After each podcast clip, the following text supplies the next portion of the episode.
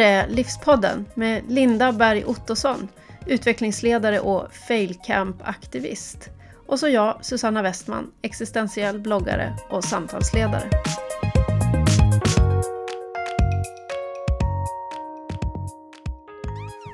Förra gången pratade vi om verkligheten och sanning. Mm. Och då blir det ju ganska naturligt att fortsätta prata om normer. Mm. Absolut. Som ju är en del av det där. Av både verkligheten och av sanning. Va, vad tänker du på? Vad skulle du säga att normer är för dig? Ursäkta. Ja, det gäller att få igång hjärnan nu efter eh, alla skumtomtar och eh, paradischoklad. Mm. Eh, ja, jag tror att vi kom in lite på det förra gången, att för mig så har väl normer kommit att bli någonting som jag känner att jag har suttit, eller att jag sitter fast i och att alla sitter fast i och som jag generellt är väldigt skeptisk och kritisk mot. Eh, så tänker jag om normer. Mm. Eh, och jag minns att det var en sån här ögonöppnare för mig. Ja, men det tror jag att jag sa också i något tidigare avsnitt. Eh, det blir, man, man börjar bli ganska störig så med sina kompisar nu när man pratar om saker och så kan man säga så här. Ah, jag tror att jag sa det nå- något om det i podden för några avsnitt sedan. Eh, men jag tror det var så att jag pratade om det, jag var sjukskriven eller hade varit sjukskriven på jobbet för eh, ja, men typ stress. Och så gick jag och pratade med en eh, terapeut genom regionhälsan och så sa han någon gång till mig när jag försökte beskriva det här att jag aldrig riktigt känner att jag passar in och att jag stör mig på så mycket som, som man bara ska gilla. Och då sa han, men det är inte så konstigt Linda, du är normbrytare. Jag bara, åh, det lät nice liksom. Det lät som någonting som jag ville vara. Och sen, så, sen dess har jag funderat ganska mycket på normer. Och att jag nog, även om det kanske inte är så jättetydligt på ytan, är något av en normbrytare, åtminstone i tanken. Vad tänker Mm. du själv om normer? Ja, alltså det finns ju två spår. Det finns ju liksom det här, äh, ja, men det självskrivna då. Att det, det är ju skrivna och oskrivna regler om hur man får vara i Mm. olika sammanhang och i samhället i stort. Eh, men saker och ting i mitt liv, när man börjar och fundera kring det här så finns det för mig egentligen till slut ingenting som inte är normer längre. Och då börjar det bli Precis. riktigt jobbigt. Jag vet. För det är då man börjar känna, vad, vad är, finns det någon sanning egentligen? Eller är det allting bara en massa konstruktioner Mm. och förväntningar? Och så eh, jag både lever efter dem där men jag är också medskapare hela tiden. Mm. Mm. Och det finns liksom, vad, vad, man är så van att det mesta kan tänkas i en början och ett slut och en orsak och en verkan. Men här går det så kletigt ihop på så många Mm. olika sätt. Mm. Ehm, både i vad det är men också i att när jag försöker se vilka normer jag själv lever efter så är det ju så gott som omöjligt. Därför att de, jag fattar ju att de är så intimt en del av mig att de kommer inte att synliggöras förrän jag ställs emot någonting som ifrågasätter den Mm. normen eller där någon handlar annorlunda eller olika eller så här så, så då först får jag fatt i det. Precis. Hur jag själv tänker och inte bara hur jag tänker. Hur tolkar jag situationen? Mm. Ja. Och att det finns så många olika, alltså det finns normer på så olika nivåer också. Det finns ju normer i förhållanden, det finns normer inom familjer, inom släkt. Det finns normer inom samhällen och sen så har vi också sådana stora liksom väst, västerländska normer. Men som Ja. också kan se olika ut beroende på vilket västerländskt land man är i. Och ehm, det är då verkligen, tänker jag, som om man tänker på en sån här sak som julfirande till exempel, som är väldigt starkt liksom upphängda på traditioner. Vi skulle kunna kalla dem också normer. Att hur självklart det är i vissa familjer att man gör på ett sätt och hur självklart det är i nästa familj eh, att man gör på ett helt annat sätt. Mm. Eh, och att eh, för mig blir det mer, alltså när jag tänker normer, då blir det nog mycket kring det här med liksom förhållanden. Ehm, och ehm, en hel del tror jag också kring det här med, ehm, jag vet inte vad vi ska kalla dem för normer, men jo men eh, kanske hetero-homonormer till exempel, sådana grejer. Eh, där det är så mycket som också vi bara har med oss. Mm. Och hur jag någonstans tänkte när jag li- lite bytte från hetero till någonting annat. Att jag från, kanske innan hade trott att det skulle bli mer fritt från normer. Mm. Eh, men att det inte blev det. Eh, det var precis liksom samma.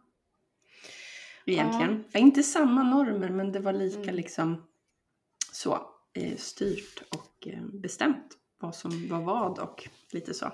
Exakt, och det där har ju gjort, jag har upplevt samma sak. Jag har verkligen upplevt det där också ju, att komma till ett sammanhang där man tror att det ska vara öppnare och friare och hur man får leva och så märker man att det finns lika mycket regler men kring helt andra områden då. Mm. Vilket ju gör att jag tror att som människa kan vi inte existera utan normerna. Jag, jag tror inte längre att jag kan vara befriad från normer. Det, det, jag har slutat inbilla mig det för länge, länge sedan. Mm. Ehm, och exakt som det här med fördomar. Fördomar och normer, det går ju liksom också ihop. Det, det är två... Mm. Fördomar är ett ord på en kategori som ryms inom normer, ser jag det som. Mm. Mm. Ehm, så det har börjat tänka mer i banorna, men hur, hur kan det här få betydelse för hur jag lever och tänker och fungerar på ett annat sätt än att jag ska försöka kämpa mig fri från normer. För det, det enda det gör är att jag skaffar mig en annan uppsättning normer och så har jag egentligen Mm. inte kommit någonstans. Mm. Det, det kan kännas bättre för att jag har klivit ur någonting som inte fick mig att må bra. Mm. Men eh, det kanske finns andra sätt att tänka kring normer och förhålla sig till normer som hjälper mig på ett annat sätt. Ja, och det där tycker jag är intressant för jag, jag har inte samma, i alla fall inte samma, vad ska man säga, utifrån sätt, samma väg eller förståelse av normer kanske som du har. Men för mig är det nog mer att när det dyker upp bull- bullshit-normer så är det som att ehm, den här visselblåsaren dyker upp igen. Som Mm. vi pratade om. Att det blir så tydligt för mig att men det här är ju bara bullshit. Va- va- Varför, varför rättar vi in våra liv efter det här? Varför går alla runt och lajvar den här normen? Den är ju den är inte klok. Det här tänker jag inte ställa upp på. Säg ett Eh. exempel på bullshit-norm. Jag tycker det finns så många och ehm, ja, nu måste jag komma på något talande exempel. Men om man tittar inom så här förhållandemönster och normer, att hur man pratar om folk i så tvåsamhet, tvåsamhetsnormen och hur den ser ut och, och så börjar man på något sätt granska sig själv i det här och vad i det här spelet i tvåsamhetsnormen, vad i det har egentligen varit jag? Och vad har varit att jag har gått in i en idé om att nu är jag en del av ett par. Då är det så här. Då följer det här med på köpet. Jag tycker det finns hur mycket som helst. Ehm, och eh, jag tänker att ehm, ja, men det är mycket kring, kring just det här med tvåsamhet som, som jag tänker jättemycket på nu för tiden. Och det, är inte så konstigt då eftersom jag men, nyligen gått igenom en skilsmässa och vill försöka hitta ett sätt att leva på som lirar mer, eller som känns autentiskt. Och jag tänker att när ens autenticitet, hörde du att jag sa rätt nu? Mm. När ens autenticitet krockar med en norm, då eh, tänker jag att autenticiteten måste vinna. Mm. Ehm, och att det kan vara väldigt svårt att ehm, låta den göra det eftersom den kanske krockar med ehm, vad väldigt många andra tar för givet. Och ska, liksom, det är som du sa, så här, börjar man ifrågasätta och um, rucka på någon norm, visst det dyker upp nya men jag vet inte, jag tror inte att jag kan sluta eh, hålla på med det här. I alla fall inte nu. Ehm, Det är inte det jag tänker att man behöver göra heller. För autenticitet är ju en sån där sak där, ja men det kan man, det är ju en eh, tråd att hålla sig till. Vad är det som känns rätt? mm, För jag tror ju att eh, det är så nära man kan komma någon typ av ursprunglig spontanitet i alla fall. mm, Den kommer fortfarande att vara inom ramen för oändligt mycket som hör till den kultur vi har vuxit upp i. mm, Det språk vi har fått lära oss, för språket är också en norm. mm, Eh, Det innehåller ju så mycket koder av både vad vi förmår att tänka om saker Mm. och hur vi kan uttrycka oss kring saker. Eh, mm, Men att autenticitet är åtminstone någon typ av kärna. mm, Det, det mesta möjliga fria spelrum vi kan ge oss, tror jag. Vi kan Precis. åtminstone, vi kan åtminstone komponera ihop ett mu- musikstycke med noter utav det här normpaketet som Ja. kommer naturligt och som, som låter bra för oss och som mm. är i någon slags samklang med någonting inom oss. Och så. Det tror jag. Ja, för jag tänker i ditt experiment och sådär.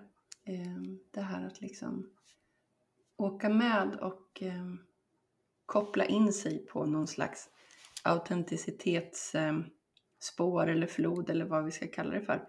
Mm. Eh, då kan ju normerna dyka upp som eh, ganska problematiska ibland, inbillar jag mig. Jag tror att det blev nog mindre problematiskt för att om, man ska tänka sig att, det, att, om vi använder liknelsen av att aut- autenticiteten faktiskt har en sladd där man ska koppla upp den på någonting, Mm. det ena eller andra. Så Mm. mitt experiment var ju att inte koppla upp den på någonting inom mig själv. Först Mm. och främst, min egen Mm. vilja. Utan jag ploppade ut den och kopplade upp den mera på på omvärlden. Vad är det egentligen som händer där ute? Vad är det som kommer framför mina fötter och så? Mm. Ehm, mer som att istället för att plocka upp impulser först och främst inifrån mig själv så plockade jag upp impulser först och främst utifrån världen. Vad är det jag måste svara an emot som kommer där? Det blev en mycket bättre vägledning på något sätt och det lockade fram mycket bättre saker ur mig själv Mm. Än om jag gick efter mina egna första tankar, impulser och känslor som jag hade. Jag, jag vet inte, mm, jag har ingen vetenskap på vad det var som hände överhuvudtaget det här, men det var ju någonting Men det, tänk nästan om det är mirakulöst. tvärtom då? Tänk om det är tvärtom. Att, eh, för för mig blir det ju som att du har egentligen kopplat in dig på din egen autenticitet och att det är det här omvärldsberoende som... Eh, oj, nu plockade det nog upp en, en motorcykel här tror jag. Det, det, om, du har en hund, jag har en, en väg som Mm. går förbi här. Nej men att eh, någonstans tänker jag att det blir tvärtom. I mitt huvud. Ja, men ja. Får jag, får jag fortsätta där? Ja, gör det! Vi kanske får fatt i någonting här. Mm. Vi pratar ofta som normer som någonting som är där ute. Mm. Men det här, det jag ber- berättade om mitt experiment, det kanske mer säger att normen sitter i oss. Mm. Det sitter i tankesystemet här. Och om jag Mm. väljer att plugga ur mig från det och istället plugga ut, in mig på det som sker framför mig och titta på det, Mm. möta det främ, Mm. först och främst istället för att möta min egen tolkning som jag gör där inne. Mm. Så kanske jag möter verkligheten mer så som den är än att jag möter normen först och främst. Mm. Men om jag utgår från mig själv så är jag, är jag liksom... Jag brukar ju också prata om projektion och vi pratade om Mm. projektion förra... De här normerna kanske är ett, eh, ett... Om du tänker en gammaldags sån här dia-projektor Mm. så är normerna de här eh, dia-filmerna. Slidesen. Ja. Slidesen som sitter i där. Mm. Eh, och då är jag ju... Då blir ju det jag ser där borta blir ju mina normer Mm. som jag har snappat upp. Mm. Men om man väljer att på något sätt ignorera dem och Mm. bara istället köra förbi dem och titta på vad, är det som händer där ute. Nu vill världen det här av mig. Mm. Hur kan jag mö- bemöta det? Och så svarar jag an. Jag vet inte om det går att vara fri från normer där heller, men det är ju liksom en tanke att det kanske ger mig en större chans att se det som faktiskt försiggår snarare än min tolkning av det. Som Mm. baserar sig på mina normer. Mm. Och erfarenheter och uppfostran och eh, Språk, patriarkat. jag menar hela, hela paketet. Mm. Hela tjottaballongen. Mm. Exakt, och, och just det där... ehm, men det är som vi pratade om då, att någonstans, jag vet inte om du håller med, men att det är väldigt, det kan vara svårt att veta vad som är det äkta och det autentiska och vad som inte handlar om min, min vilja och en vilja som jag har på grund av normer och idéer om vad jag borde vilja Mm. eh, och egoistiska grejer och sådär. Att det, det finns en slags eh, ren känsla i det autentiska för mig. Mm. Eh, och renhet är ett ganska problematiskt ord kanske.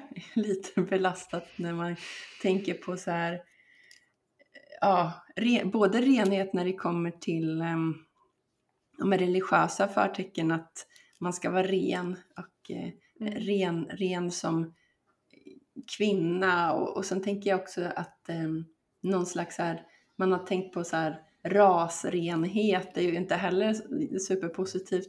Men att jag vill åt, om vi bara tar bort alla gamla benämningar eller betydelser av renhet så är det på något sätt en så här rak och ren känsla i det autentiska och det som jag eh, på något sätt tolkar din, ditt experiment som att du kopplar in dig på. Mm. Eh, Ja, men det, det var ju, jag, jag skulle kunna ta ett annat ord, det är visserligen lite färgat kanske av eh, religiösa termer det också. Men, kanske Men du är ju religiös. Ja, jag är religiös. Ja, men kanske lite mindre. För att jag hade någon sån här, äh, alltså min hjärna gick ju på högvarv ett tag för att liksom försöka fånga vad det var jag upplevde. Så jag Mm. hade någon frukost här när det var som en sån här galen eh, uppfinnare nästan som helt plötsligt klottrade massor över Jag kan se det här. det var nu har jag förstått allt! Ja men det var verkligen ett helt Ja. diagram, alltså ett sånt här rutsystem för. Ja. Jag har inte gått tillbaka till det helt och fullt. Jag tänkte att jag ska skriva om det någon gång för att det var verkligen Mm. som att nu, jag fick fatt i någonting. Mm. Ehm, Men det som särskilde, alltså som människa har vi alltid våra tankar, känslor och impulser. Det är liksom det som utgör vårt vara Mm. tiden. Eh, Men det finns skillnad i kvalitet i de här. De kan antingen Mm. komma ifrån ett eh, lite mer sovande tillstånd eller ett vaket tillstånd. Aha! Och det med sovande tillståndet, då är det inkopplat på någon typ av, jag säger erfarenhet, det är ett positivt ord, men, men det är också någonting som grundar sig på någonting som var Mm. förr. Mm. En historisk händelse. Så här. Och det skapar ju hela tiden i oss någon slags så här, reflextankar, refleximpulser. Är det samma som omdöme typ? Nej, Nej? Det skulle jag inte vilja säga heller. Det är en genväg till ett omdöme. Alltså det ger oss Mm. ju tillgång till en väldigt snabb, effektiv eh, plan för vad ska vi göra i den här situationen. Istället Mm. för att vi ska behöva tänka som om vi vore helt nyfödda varje gång Mm. inför varje situation. Mm. Men det jag upplevde under, under hösten här, det var ju att det fanns en helt ny, klar blick på saker och ting. Mm. Som jag upplevde som någonting vaket. Mm. Ehm, och jag skulle kunna använda ordet rent därför att Mm. det, jag förmådde tänka bortanför den första reflextanken, refleximpulsen. De kom fortfarande. Jag kunde Mm. känna det som en så kroppslig förnimmelse inför vissa Mm. situationer.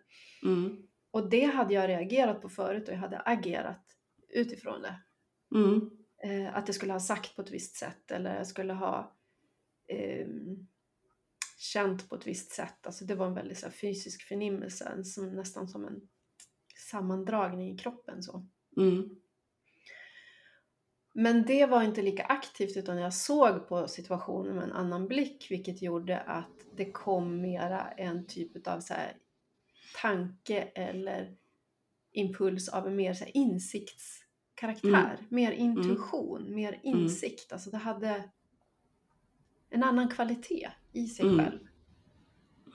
Lite som att man höjer sig över sin ryggmärgsreaktion och kan Ja. se den samtidigt och välja en annan väg. Precis. Mm. Och det var som befrielse. Mm. Och det gav ett sånt bra resultat. Mm. Alltså livet blev ju också därefter eh, Mm. på ett annat sätt. Och nu, nu hör ju alla att jag pratar i, i dåtid liksom för att sen, sen kom julen och så kraschade Jag skulle alltihopa. precis säga det där. Jag skulle, eller jag skulle precis komma in på det för jag känner Mm. igen.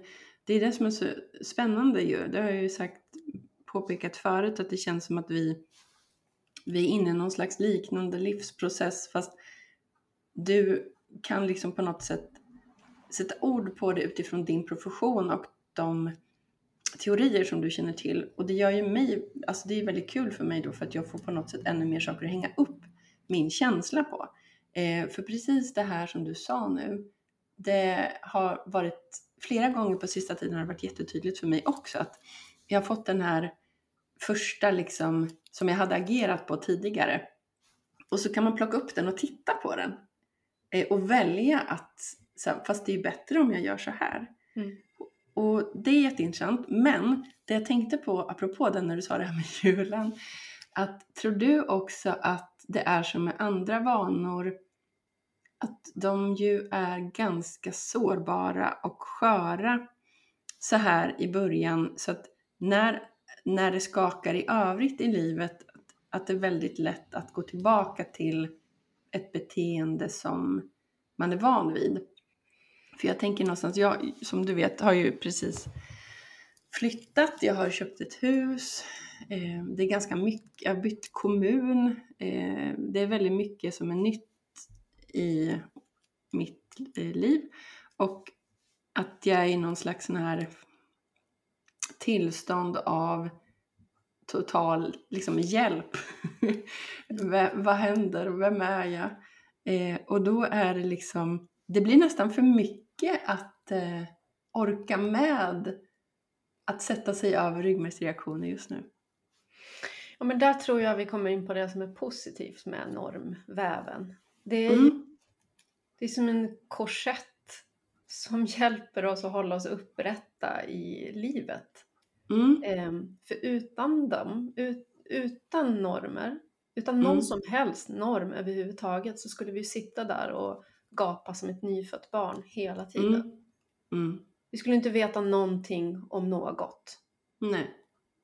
Precis som liksom ett, ett litet barn får syn på sin fot. Och det, eller hand som swishar förbi. Jag vet Mm. inte ens att det är min egen hand. Mm. Alltså det är ju verkligen, vi kan inte leva så. Nej. Okej då. så att, eh, att du känner en eh, ja, tomhet eller vad det nu skulle sätta för ord på den känsla, vilsenhet då, som du känner Mm. just nu är ju för att Mm. den gam- en, en del av den gamla normväven har ju Mm. ryckts bort i och med att du har bytt sammanhang. Vilsenhet var bra. Det tror jag satte, ja, det var ett bra ord. Mm. Så just nu så står du ju i en situation där eh, man kan välja att se på den väldigt positivt. Helt plötsligt så här, Mm. du har möjlighet att bygga en ny eh, normväv i det sammanhang du är i nu i hur du förhåller dig till dina grannar, hur du förhåller dig till kommunen där du bor i. Du kanske kan engagera dig på ett annat sätt än där du var förut. Eh, man kan få se en helt ny Linda i, i det sammanhanget om Mm. det känns som någonting du vill och det känns Mm. rätt. Mm. Ehm, förstår du? Liksom, det finns en öppning Mm. i den här vilsenheten. Och då blir det så tydligt att när det är mycket som står öppet samtidigt så blir man, eller man, jag, eh, mer liksom så här ja, men handlingsförlamad Mm. nästan. För att alla möjligheter finns, alla vägar står öppna. Jag kan forma så mycket som du säger och bestämma vem jag vill vara nu. Men då är det som att det blir för stort och för mycket och läskigt så att istället så vill jag bara ligga i soffan och kolla på Netflix. Ja. Det är oprövad mark. Det är ju det är klart att det är läskigt. Mm. Man kan tycka att det är så här, ja gud så patetiskt, jag är en vuxen människa, det är en ny kommun liksom, vad är det som är så Mm. farligt?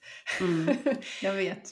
Men det är, vi är människor, det är en, ny miljö. Mm. Det är nya människor som finns omkring dig. Det Mm. är eh, ett samhälle som rör sig och för sig på ett sätt som du inte ännu vet vad det betyder. Precis, alltså den, den aspekten absolut. Men hittills är ju den eh, vad ska man säga, erfarenheten väldigt positiv för att alla som jag stött på har varit väldigt så här, vänliga och tillmötesgående och hjälpsamma. Mm. För mig handlar det nog mycket om den här grejen att jag helt plötsligt äger ett hus själv Mm. och att jag känner, en- jag kan känna att vem tror jag att jag är? Hur, hur kunde jag, hur kunde jag liksom göra det här och tro att jag skulle ro dig i land och hjälp, någonting hemskt kommer att hända. Ja men det, alltså du är ju inte ensam om det. Jag har en god vän som alldeles nyligen har tagit över en gammal släktgård. Ja, Alltså det här är någonting som han har verkligen velat. mm, Det är inget, inget snack om den saken. Men att sen stå där med en, en gammal gård och så fryser vattnet. Nej, Alltså det är ju inte, och så är man ensam i det. nej. Det- Klart att det är tufft. Det kan ju få vem som helst att knä. Han och jag kunde bli pratbuddies. Ja. det var så skönt att höra er. annan. Ja, men eller hur. Mm. För det är ju också en, en del utav hus hör Mm. ju väldigt mycket ihop med tvåsamhetsnormen. Att, att man är två som hjälps till. Ja, det var det jag skulle komma till. Det är faktiskt precis så. Eh, där blir det så otroligt tydligt. Mm. Att, ja men hjälp, vart är den där andra?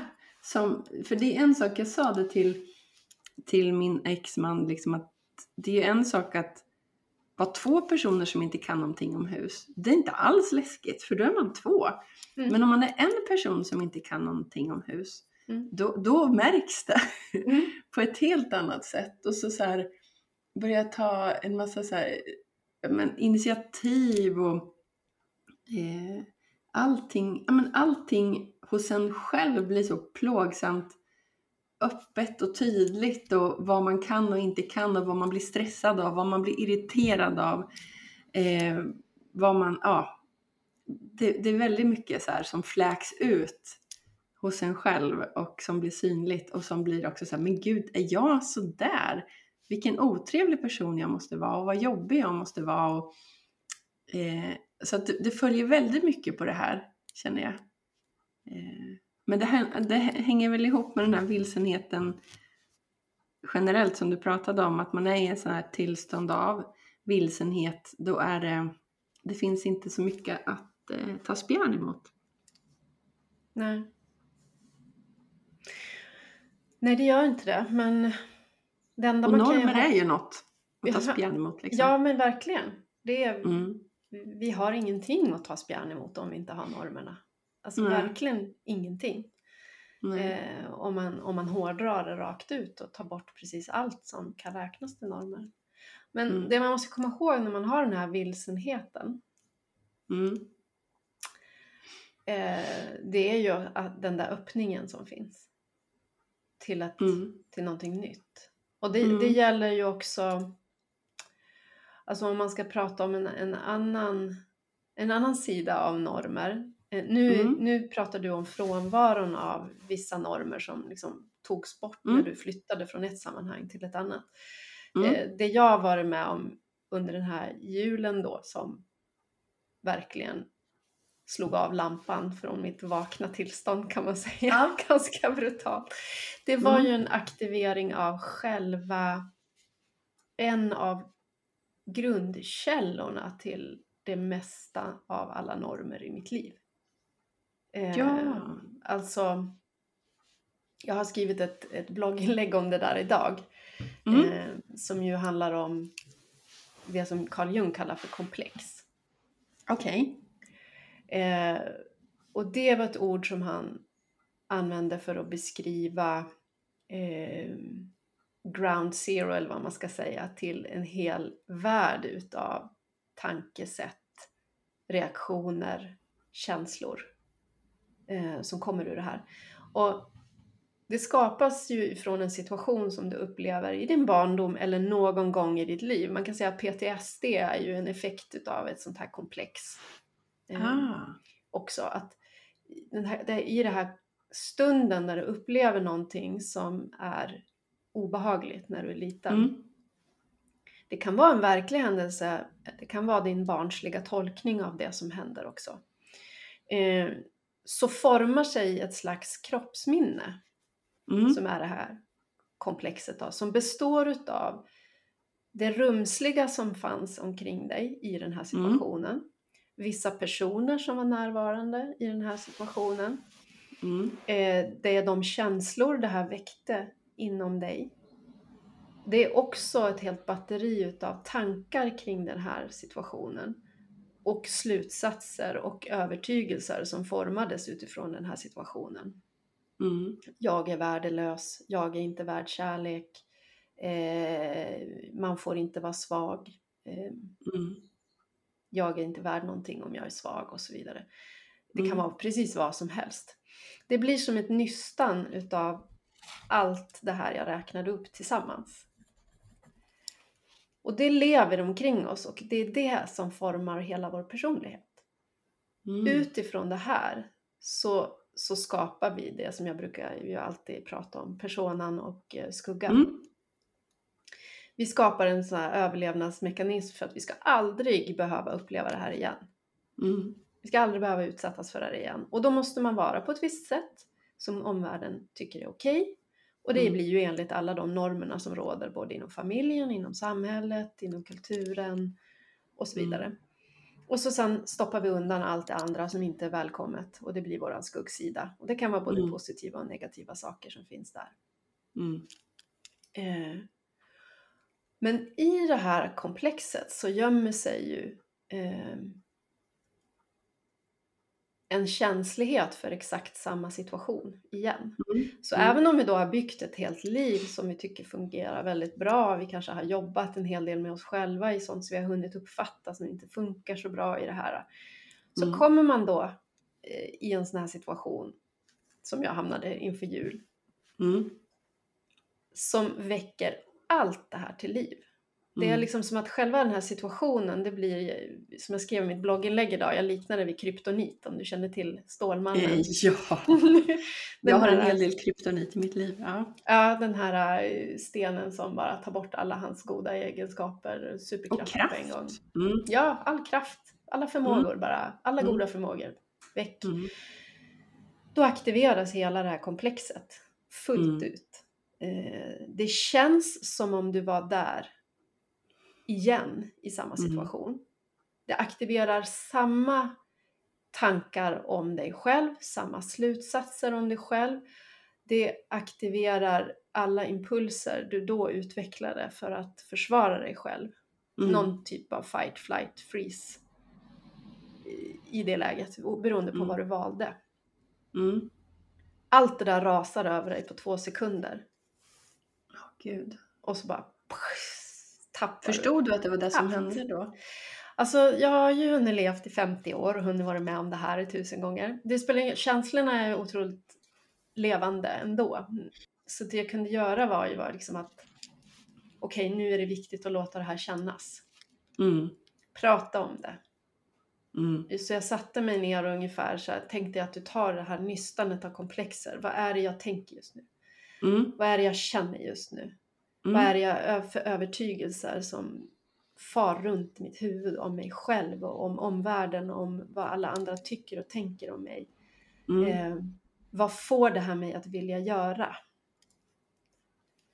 Och sen kommer det till allra viktigaste. Vad skulle vara att göra tvärt emot? För det är det man måste Mm. göra för att kunna börja lösa upp den här knuten. Man måste, George Costanza igen. Ja, man måste opposite. göra raka motsatsen. Mm.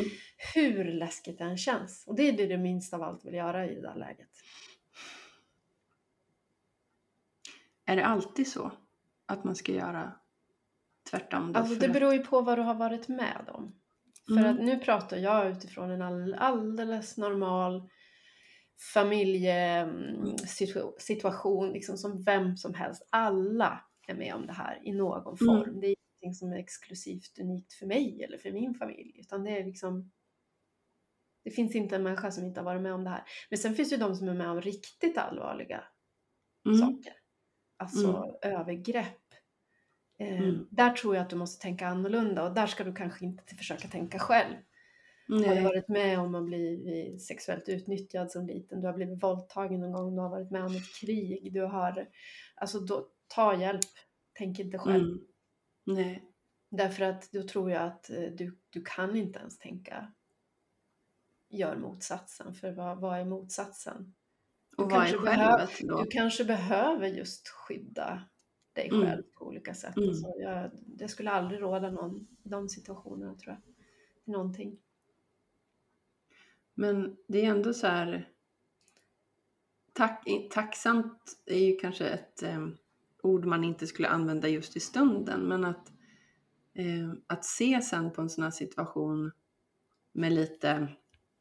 När det har gått lite tid Mm. eh, och se hur, hur, hur det blev efteråt och hur... Mm. Att kunna vara i stunden som du säger och våga gå in i känslan och eh, nysta i den. Mm. Eh, för att det är så lätt att ehm, jag tänker på ehm,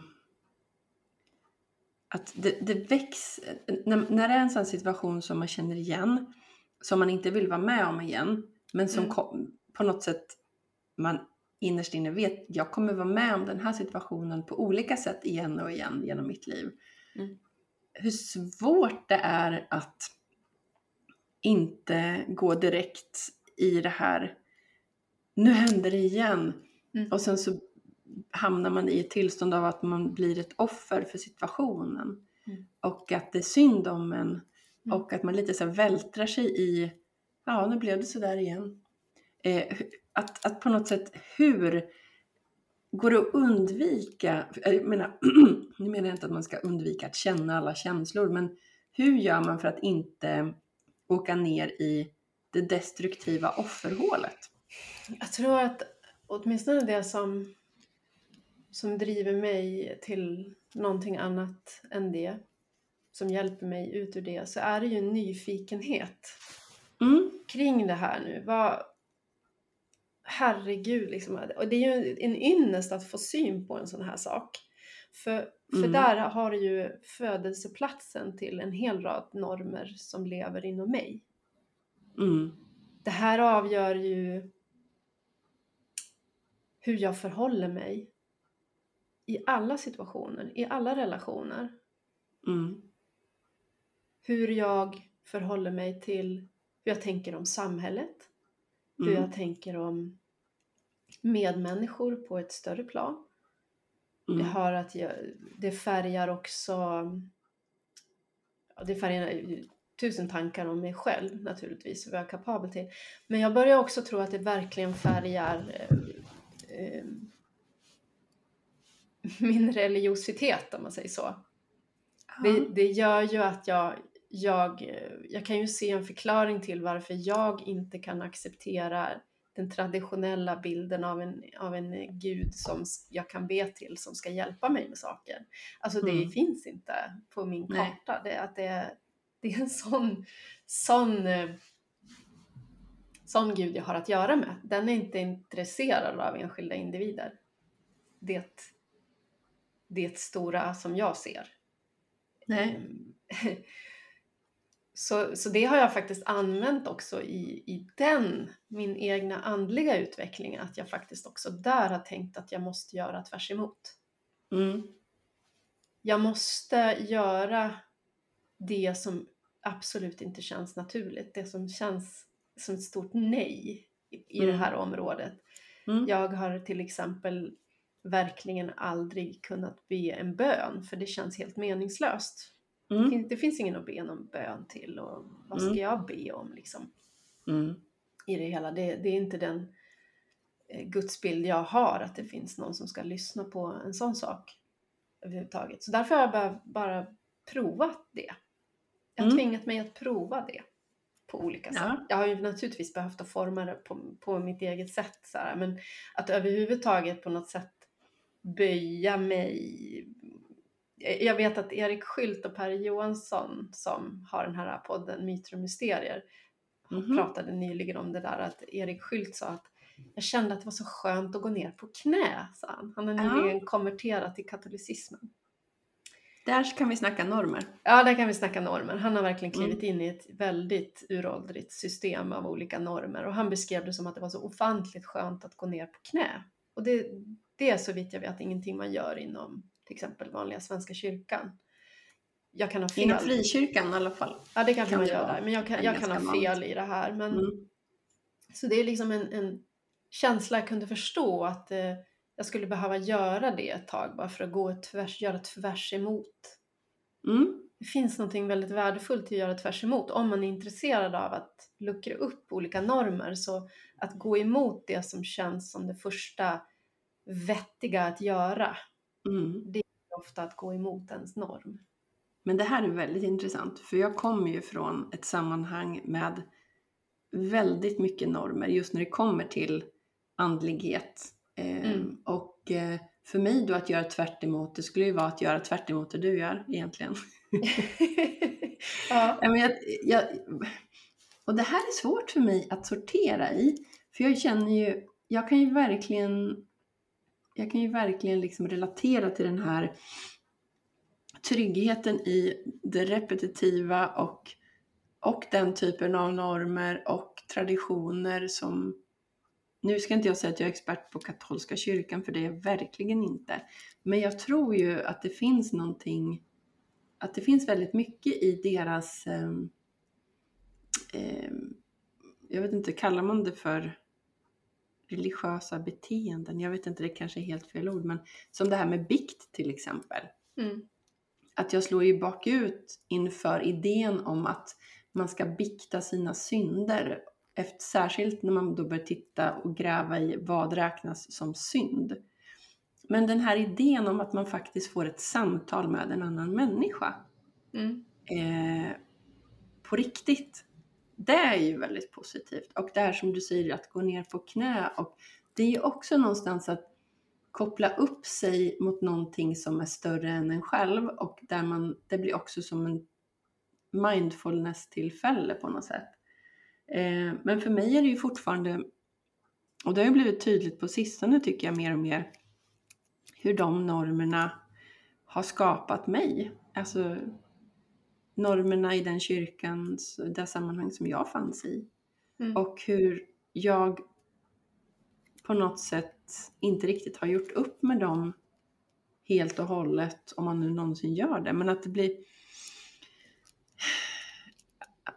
att liksom få fatt i de här sammanhangen då där jag uttalar och tänker annorlunda och samtidigt kan få den här ryggmärgsreaktionen av att ja, men tänk om Jesus kommer tillbaka och jag inte får följa med. Eller tänk om jag kommer till helvetet. Eller liksom, du vet. Ja. Ja, det sitter ju där. Även om jag så här, rent liksom, teoretiskt krasst kan tänka annorlunda om det och förstå det annorlunda så har ju det format mig så starkt Mm. att det är fortfarande läskigt att säga vad jag tycker nu och vad jag tror nu och hur jag liksom ser på saker nu. Mm. Så Men ja. det, jag tror det enda man kan göra är att Antingen så söker man efter situationer där det här skulle jag absolut inte göra. Jag brukar ju verkligen säga det, att man ska, ju, man ska göra det man är rädd för. Jag vet att du säger det. Ja, Gå och dansa Linda. Ja, precis. Ehm, så är du, är du intresserad av vad det där har gjort med dig och vilka tankar och föreställningar som, som du bär med dig utifrån det här? För jag menar, komplex är inte bara alltid så dramatiska som de jag har beskrivit. Komplex kan ju vara så himla vardagliga att du inte ens ser dem också. Men det, det är ju precis de här knutarna av, av sammankopplingar av tankar, känslor och impulser som, som formar det här ja, normen som dyker upp Mm. som, gör, som avgör hur du lever. Mm. Ehm, jag brukar alltid nämna, hellre när jag pratar om normer så pratar jag om Heideggers mannet för att den är så himla bra. För att Mm, det är liksom en, mm. Han beskriver det ju som en, normer som en genomsnittlighet som inte skapas av någon enskild utan i ett förhållande människor emellan Mm. så bestämmer vi tyst hur Mm. man ska göra. Jag Är menar, det om som någon har- slags median? Liksom, Ja, om du har tio personer Mm. som du iakttar gör Mm. samma sak Mm. så formar du, precis, du väljer som medianen där. Mm. Som sen- hästens idé. Ja, alltså och- som, ja. Och sen ser ju andra människor hur du gör. Mm. Så då blir de en median i det och så tillsammans så skapar vi den här mannet som han kallar det för istället som är den här väven av genomsnittlighet. Mm. Är det samma sak som i världen på något sätt? Kan man, om man inte helt och hållet förstår jag, men om man tänker så här att Mm. om man har tillräckligt många hundar så går det att utkristallisera någon slags hundens idé. Mm. Eh, och om man har då eh, beteenden kring en särskild situation så blir det kanske som någon slags beteendets idé. Ja. Förstår du? Att det blir som Ja. en median av ett beteende också. Eh, men det kanske inte går det- att det- översätta. Ett sätt verkligen att beskriva normer på som jag tycker eh, är mycket bättre. Den är för att- trevligare. Ja, men det förklarar mycket bättre hur det går till. För annars blir det nästan Mm. en fråga, men vem är det som har bestämt det här då? Och jag tror att det är Mm. därför så många män slår allt prat om patri- patriarkatet ifrån sig. För att pratet kring patriarkatet får det att låta som att det har funnits ett slutet rum någonstans där det har suttit tio män med mörk mustasch och så har de bestämt exakt hur det här förtrycket ska gå till. Nej. Men det är ju så. Utan det har blivit, ja, alltså den här Illuminati. Eh, Ja. ja, Så här ska vi... pre- precis. eh, De är säkert ja. judiska också om vi ska få in Ja. alla konspirationer i alltihopa. Ja. Eh, Mm. Men det här sättet att beskriva det som hur det Alltså människan är ju så läskig. Vi, det, vi, vi försöker se det här lagom hela tiden i allting. Och Mm. normer och så sen hur ska vi förhålla oss? Ja, så här gör fem av tio gör så här. Då gör jag också så. Mm. Så är jag på säkra Mm. sidan. Mm. För man vill vara en del av ett sammanhang och man vill inte vara ensam. Det är så skitsnack att vi tänker själva. För vi vet, det, vi Mm. vet inte ens vad det är. Nej. Hur ska man kunna tänka själv när själva tänkandet är det icke... Alltså tänkandet utgörs av det som är genomsnittligheten. Mm. Men vad är då den gyllene buddhan i det här, tänker jag? Finns det någon gyllene buddha? Alltså om, utifrån den erfarenhet jag har nu så undrar jag om det är den där blicken jag fick uppleva ett tag. Den vakna, eh, autentiska blicken. Ja, Den hade Mm. ingenting med mig att göra egentligen, utan det var mera den där klarheten. Mm. Och som frisk luft liksom. Mm. Ofärgad. Men då vet jag att den finns, tänker jag. Ja, att- och det är så hemskt nu, för det känns som att jag, här sitter jag med autenticiteten med den urkopplade kabeln här. Det Och känns jag, så. och jag vill liksom hitta, vad fan pluggar jag in det här igen? Hur kommer jag dit igen? Och jag vet inte. Får det det dig att koppla på prestation då? Att du känner att du är en dålig autentisk person? Eller att du liksom på något sätt, nu har jag, nu misslyckas jag med min autenticitet. Alltså det jag känner är att alla illusioner om att jag faktiskt kan göra någonting, att det finns någon sån här, nu ska du meditera i tio dagar så kommer det här att lösa sig, eller att det finns ett recept. Det tror jag Mm. inte längre. Nej, Ehm, för livet händer hela tiden. ja, och jag tror för första gången Någon, någonting var det ju som hände när jag gav upp Mm. där som inledde hela mitt experiment. Att jag bara, okej, jag ska inte bestämma någonting själv. För det var ju också lite grann som att säga, jag ska inte tänka själv längre. Mm. Mm. Eh, det är inte som att man kan inte bara fabricera det. Nej, Det måste komma. Det måste komma från hjärtat där och Mm. då. Så, Ja, så jag, jag sitter mest bara still och vet att fuck it, jag vet att jag kan inte upprepa det här igen av sig självt bara. Utan det, ja, men jag tror att jag förstår det här begreppet nåd. Nu är vi inne på religiöst område igen, men mm. det är inget som jag kan bestämma över. Försöker Nej. jag bestämma, försöker jag styra, försöker jag kontrollera. Det, det, det som hände var just frånvaron av allt det. kontroll. Ja, jag måste liksom bara sluta försöka styra. Där har vi ju kanske den största utmaningen för mig då när jag ska se på det här från, från ditt håll. Att tänka på det just som frånvaron av kontroll eftersom jag tror att det är min, eh, mitt sätt att eh, stå ut med att vi alla en gång ska dö. att Ja. försöka Mm. skapa olika kontrollsystem liksom Mm. eh, kring saker. Fast jag då vill framstå som en person som är väldigt eh, härlig och skön och eh, lös och men så här.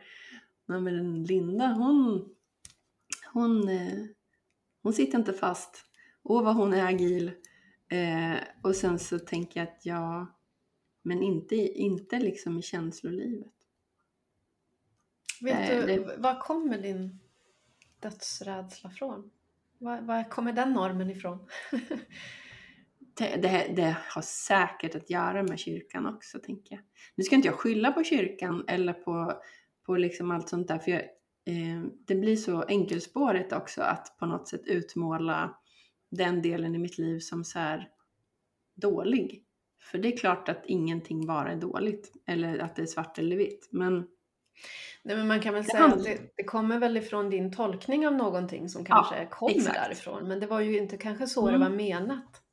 Nej, och där tror jag ju att det ligger mycket av förklaringen för att eh, jag... Eh, det är mycket prat om liv och död och eh, vad som Mm. händer efter döden och att vi på något sätt alla...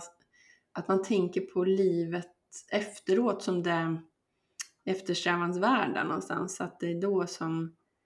Eh, och, och det är så mycket läskigheter som, som är innan dess. Det är så här, Jesus ska komma tillbaka och döda ska uppstå och ehm, det ska dömas, liksom, levande och döda ska dömas, vart de ska ta vägen. Alltså det är så mycket som är läskigt kring, Jo, kring får- döden. Och eh, allt sånt här som, där kan man ju snacka om total brist på kontroll. Liksom. Eh, och eh, hur, hur alla människor då försöker hitta sin version av döden för att göra den mindre skrämmande. Men för mig blev ju den versionen mer skrämmande. Mm. För på något sätt blir det här att man ska leva för evigt då, eh, i himlen. Det för mig, den tanken på evigheten skrämde ju skiten ur mig. Mm. Och gör fortfarande. Det är som när man tänker på universum och evigheten och att det inte finns något slut. Börjar man liksom greja med de där tankarna då, då, ja, då svindlade det så mycket så att då ville jag direkt in i något kontrolligt för att eh, Mm. Få bort den känslan. Har, du, har du läst liksom och bekantat dig med mera österländska filosofier och tankesystem? Alltså det är egentligen... Som har ett annat förhållande till, till döden. Där, där Ja. brukar man ju ofta mer säga att du, du är ju inte ens född egentligen. Det är ju bara en illusion. Ja men det är väl lite där som jag känner att det är ju mer autentiskt för mig att tänka på det sättet. Mm. Och att eh, se det som att, ja men som du lite tror jag när du tänker på det här, att du kopplar in dig på omvärlden. Att jag tänker då att du kopplar in dig på det universella livsflödet på något sätt. Mm. Och att det finns ett sånt och att det finns att det vi tänker som andlighet är någonting helt annat än vad vi har tänkt. Mm. Och att jag tror någonstans att ehm, det vi kallar döden och det som kommer efter döden, att det också är någonting annat än vi, vad vi har tänkt. Ehm, men samtidigt är allt det andra i mitt bagage fortfarande så liksom närvarande. Mm. Så att jag kan inte riktigt omfamna det här som jag egentligen känner är mer rätt än. Men jag tycker, jag, ja, Jag börjar som ana vad du skulle behöva göra. Fridans. Nej, jag Nej. tänker mera när, när den här dödsrädslan är som allra mest närvarande. Mm, Att ha någon med dig som gör att du vågar och närma dig den och gå in i den. För där har du ditt Mm. komplex. mm, Där har du ditt, liksom, din kryptonit. Du behöver rodda i Mm. vad väcker det här för tankar, känslor, Mm. Mm. Men, men, Ja, men- det är ju ingenting man gör. Alltså det, finns ju, det är ju ingen barnlek att gå in i den känslan. Nej, inte den så. är ju förmodligen den mest ångestskapande som kan finnas. Tror jag. Det är nog Ja. skönare att vara rädd för att vara ensam. Eller eh, Men handlar inte det också om-. Ja, men handlar inte det också om dödsångest tror du i grunden? Liksom? Nej, jag tror inte det. För att jag har inte... Nej. Jag kan inte göra den kopplingen till att dö. Det, Nej. det, det blir ju snarare åt andra hållet. Det är ju en befrielse. Ja, okej. Att få- Från allt. Ja, men att få återvända dit där inte all den här soppan spelar roll. Mm. Jag kom ju därifrån en gång. Så ser jag Mm. det mer som.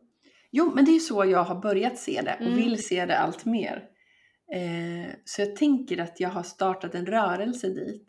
Mm. Eh, men det är väl som, all, som när du beskrev det här att det har blivit som någon slags avbrott eller att du dragit, råkat komma åt den här kontakten under julen nu Mm. till, din, eh, till ditt experimentande så känner jag att under perioder av eh, stress som jag är i nu så blir det lättare att man går tillbaka till eh, invanda beteenden och tankar eh, för att det är där man är van vid. Mm. Då är det svårare att hålla fast och bli trygg av det nya. Mm. Liksom. Men eh, ja, en sån här... Eh, att gå in i en sån otäck eh, känsla när den kommer. Jag har ju liksom snuddat vid sånt tidigare. Jag vet att i, jag har ju väldigt Eh, mycket sådana tankar och eh, rädslor och mycket, ja, men oro och ångest kring just liksom död och sjukdom och att folk kan dö och sådär. Eh, och då vet jag att eh, jag har ju gått i samtal ganska mycket genom åren och då var det någon som tipsade mig om att för för mig blir det ju som att om jag inte tänker på det, om jag inte går in i de här tankarna så är det som att jag fuskar. Och att då är det som mitt fel om det händer sen någonting. För att då har ju inte jag tänkt tillräckligt mycket på de här sakerna. Det låter lite fucked up. Oj. Men då, ja, då, sa, då sa hon så här att eh, ja, men jag förstår vad du menar. Det du skulle kunna göra är att du ägnar dig åt de här orostankarna, att du avsätter 10 minuter om dagen till det. Och sen så är det inte fusk då när du slår undan dem under resten av dagen, Mm. utan då har du tio minuter där du kan vältra dig i dödsångest och oro och eh, all, allsköns grejer. Eh, och det där orkade jag aldrig riktigt hålla i. Jag orkar oftast inte hålla i så mycket saker som jag egentligen kanske Mm. skulle må bra av att göra. Så det skulle ju kanske kunna vara någonting, men samtidigt så tror jag på det du säger att guidas in i och igenom Mm. kan kanske behöva en professionell person Mm. som hjälper en. Jag har provat affektterapi. Jaha, Det är en, en sån att verkligen guidas in i den där känslan och eh, Ja. också vägledas igenom och guidas ur kan man säga. Så det, det var faktiskt hur funkar det där då? Alltså det var ju bedrövligt medan det vara. Jag vet Okej. att jag verkligen var så här, nej men jag ska nog ställa in det här. Ja, ja. Eh, och då visste jag inte ens till hälften hur illa det skulle kännas men jag kan, jag kan förmodligen inte riktigt komma ihåg orden kring, jag kommer ihåg känslan när jag var i det, men jag, mål, jag, jag tecknade en bild, en väldigt så här, Mm. ful bild efteråt av vad det var som kom ur mig. Mm. Och det var ju så typiskt, det var ju ett samtal kring ett sånt här komplex ja. verkligen som hade aktiverats. Det var, var samma, eh, ja men lite grann samma som, som hände här kring jul, bara det att det dök upp i ett helt annat sammanhang Mm. eh, där och då så det här hade aktiverats. Så jag förstod inte mina egna reaktioner och sådär. Men jag fick verkligen ut ur det här en känsla av precis vad, vad är det jag bär inom mig egentligen som gör att jag ser på den här situationen på det här viset. Mm. Som ingen annan egentligen ser. Mm. Så det var ju att få fatt i normerna kring en sån här händelse Mm. för mig. Mm. Men som jag helt, ser helt andra, annorlunda ut för alla andra inblandade. Ja, det är det som För de var det ju man inte alls bort hela tiden. Ja, nej men de alla såg ju inte alls det här. Nej, och jag tänker där igen, om, tänker att jag, det här med, eh, om vi nu pratar igen om det här med att det personliga och det professionella. Jag tänker på det med, det här går ju att lyfta in direkt. Något, vi har gått en utbildning i, eller sam, samverkan, att leda i samverkan heter den.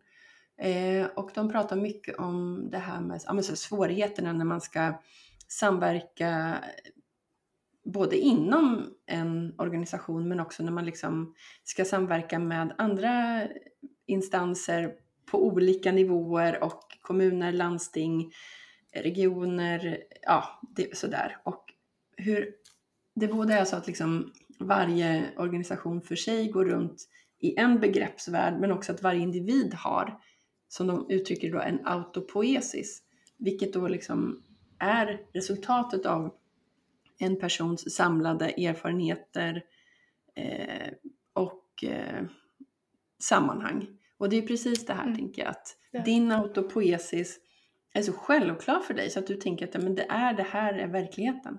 Mm. Och sen kommer in en annan person med sin autopoesis och säger nej, det här är verkligheten. Eh, och, och att eh, det blir så tydligt då att man kan titta på exakt samma sak från så olika håll och se olika saker. Mm. Ehm, och det är ju på sätt och vis ganska befriande tänker jag nu. Ehm, för att då förstår man att ingenting egentligen är eh, ingenting är fast. Egentligen.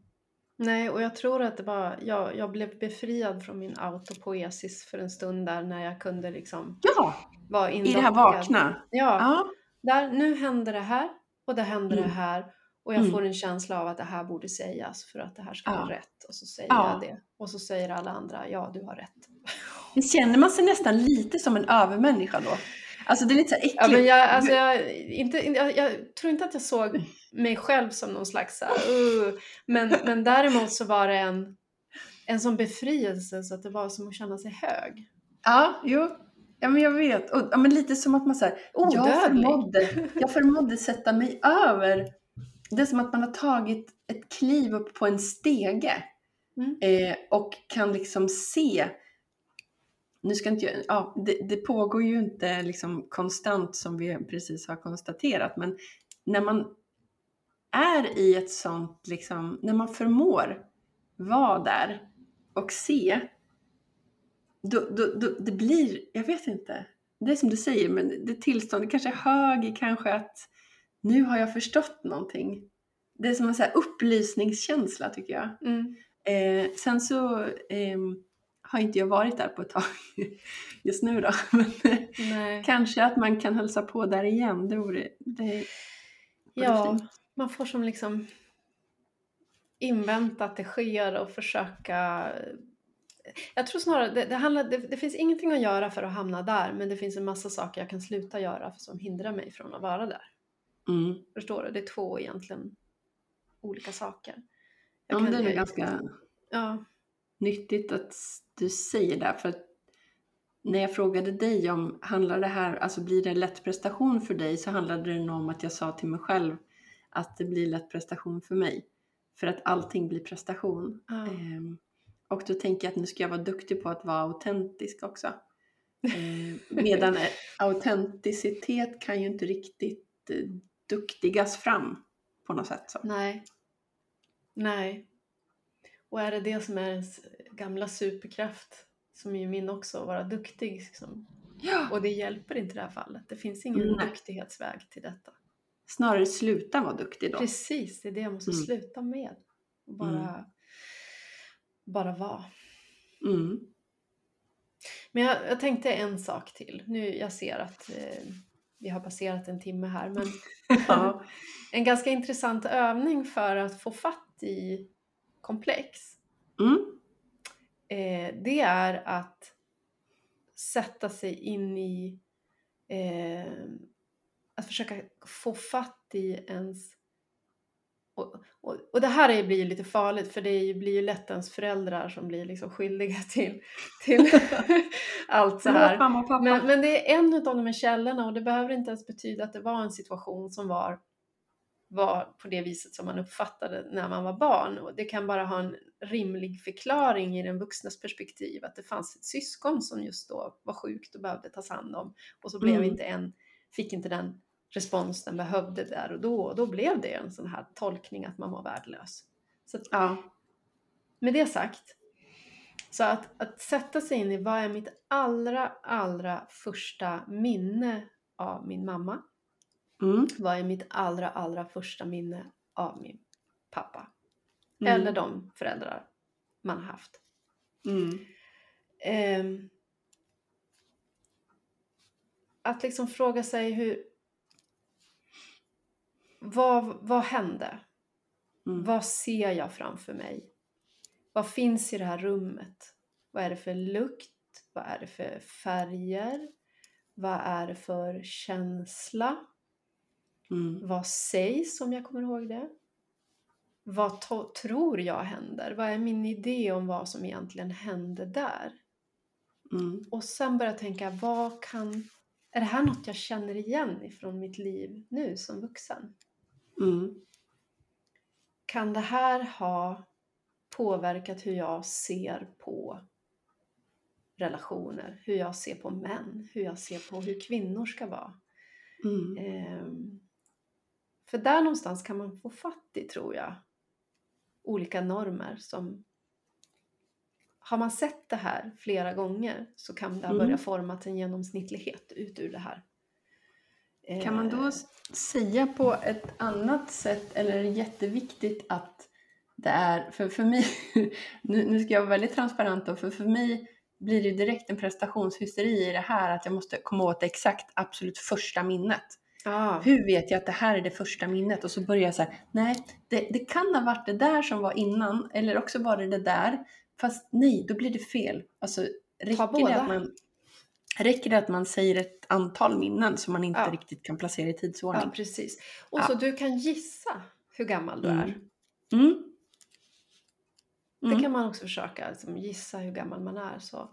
För Mm. det exakt den ålder du faller tillbaka till när det här aktiveras i ditt vuxna liv. Du blir inte äldre i den stunden än vad du var då. Så om du skriker hejdlöst på din partner eller någonting så är det för att du är kanske inte mer än två, tre, fyra, fem år. Okej, Mm. Mm. intressant. Mm. Och en bra övning att, eh, att, eh, nu vill jag inte sluta prata, men jag tänker om folk känner att, hallå, som du säger, nu har de faktiskt pratat en timme, vad håller Mm. de på med? Men det känns ju som att det här, som med alla ämnen vi är inne på, att det finns så mycket fortsättning. Mm. Och vi får väl se när, när, eh, när vi lyssnar på det här i efterhand om det är normer mest vi är inne på eller om det är något annat. Det är svårt att se i stunden tycker jag. Mm. Det är det. Alltså för mig är det verkligen normer, men det är också normer och komplex. Alltså det hör Mm. ihop. Det är både Mm. du som vad skapade alltihopa. Mm. Det är en av de sakerna, genomsnittligheten. Alltså det här vi sa, när man har iakttagit fem av tio som gör samma sak så, Mm. så väljer du också att göra så. Det är ju kanske inte direkt ett sånt dramatiskt situation som ett komplex är. Nej. Ett annat ord jag tänker att man också ska vara uppmärksam på när det kommer till sånt här, det är när man tänker att ja men det är väl sunt förnuft. Ja, okej, den, För den är bra. dört, dört, så varningslampan Hallå ska bara blinka. där. Därför att Mm. det är sånt här norm, normbegrepp verkligen. Mm. Varför är det det? Vems sunda förnuft? Hur har det här kommit till? Exakt. Och den kommer ofta, den uttalas ofta också med så här indignation heter det va? Ja. In, ja, I rösten så här som men det är väl ändå sunt förnuft. Så här, och så, så vad, nej. Eh, Ja, det är inte läge att börja krafsa på det där och då eftersom den här personen obviously är i affekt. Men eh, det är en väldigt bra, ens system och eh, min visselpipa går ju igång direkt där. Mm. Ja, Mm. vi skickar med den. Vi skickar med den. Det Ja, gör vi. Mm. så avslutar vi. Mm.